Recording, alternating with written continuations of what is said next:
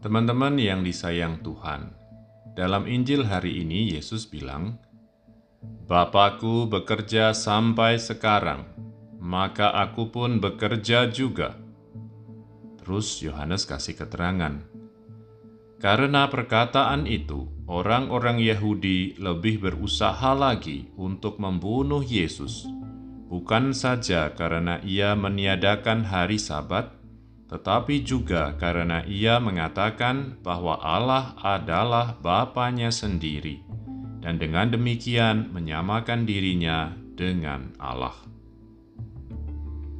Teman-teman terkasih, di sisa Injil hari ini, Yesus menegaskan kepada orang-orang Yahudi kalau apa yang dia kerjakan adalah kehendak Bapa sendiri. Atau dengan kata lain, Yesus bisa dan beneran ngerjain semuanya karena diberitahu dan diberi kuasa oleh Bapa, oleh Allah yang dia panggil sebagai Bapaknya.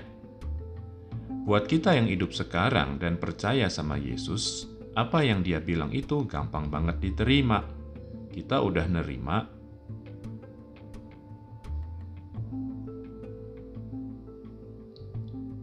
kita udah dengar dan nerima pewartaan kalau Yesus emang sama sama Bapa dalam arti bahwa pertama Yesus adalah anak Allah dan kedua Yesus selalu sekehendak dengan Allah Bapaknya selalu ngelakuin apa yang jadi kehendak Allah Bapaknya buat orang-orang Yahudi waktu itu itu nggak kayak buat kita sekarang dan kesulitan paling besar dan mendasar kiranya adalah bahwa apa yang dikerjakan Yesus itu mengancam kepentingan mereka, atau sebaliknya, hidup mereka, apa yang mereka kerjakan, enggak sesuai sama kehendak Allah.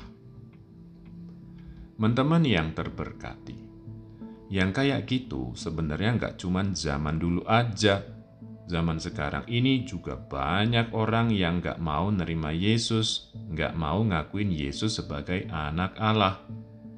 Karena udah nolak konsep itu, maka juga susah buat mereka untuk ngeliat apa yang dikerjakan Yesus sebagai sesuatu yang baik, bahkan menyelamatkan.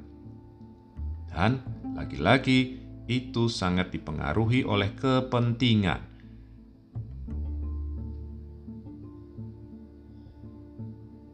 kepentingan pribadi. Pilihan dan cara hidupnya berpusat pada kepentingan, pikiran, dan kesenangannya sendiri yang nggak sejalan sama kehendak Allah.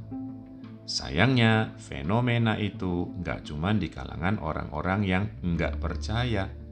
Di antara orang-orang yang percaya, atau at least ngakunya percaya, juga banyak yang hidupnya lebih berpusat pada dirinya sendiri pada kepentingan, pikiran, atau kesenangannya sendiri, dan akhirnya nolak Yesus atau nggak mau nerima Yesus.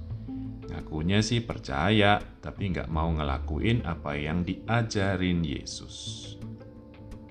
Teman sahabat Yesus, Yesus sungguh berhak nyamain dirinya sama Allah. Dia sungguh anak Allah dan sungguh juga sekehendak dengan Allah Bapaknya semua yang dia kerjain hanyalah kehendak Bapaknya. Dan kehendak Bapaknya nggak lain nggak bukan, cuman supaya orang yang percaya sama Yesus nggak binasa, tapi masuk hidup yang kekal. Itu semua nggak lain nggak bukan semata kasih Allah aja. Karena kasih itulah, maka Bapa nggak pernah maksa kita. Maka Memang di tangan kita ada kebebasan untuk milih, percaya kepada Yesus dan menjadikan cara hidupnya sebagai cara hidup kita juga, atau nggak percaya dan nolak Yesus, hidup sesuka hati, sesuai kesenangan pribadi aja. Yang jelas sih, Yesus bilang, Barang siapa menghormati anak, ia juga menghormati Bapa.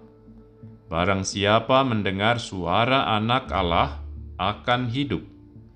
Sebab sama seperti Bapa mempunyai hidup dalam dirinya sendiri, demikian juga diberikannya anak mempunyai hidup dalam dirinya sendiri.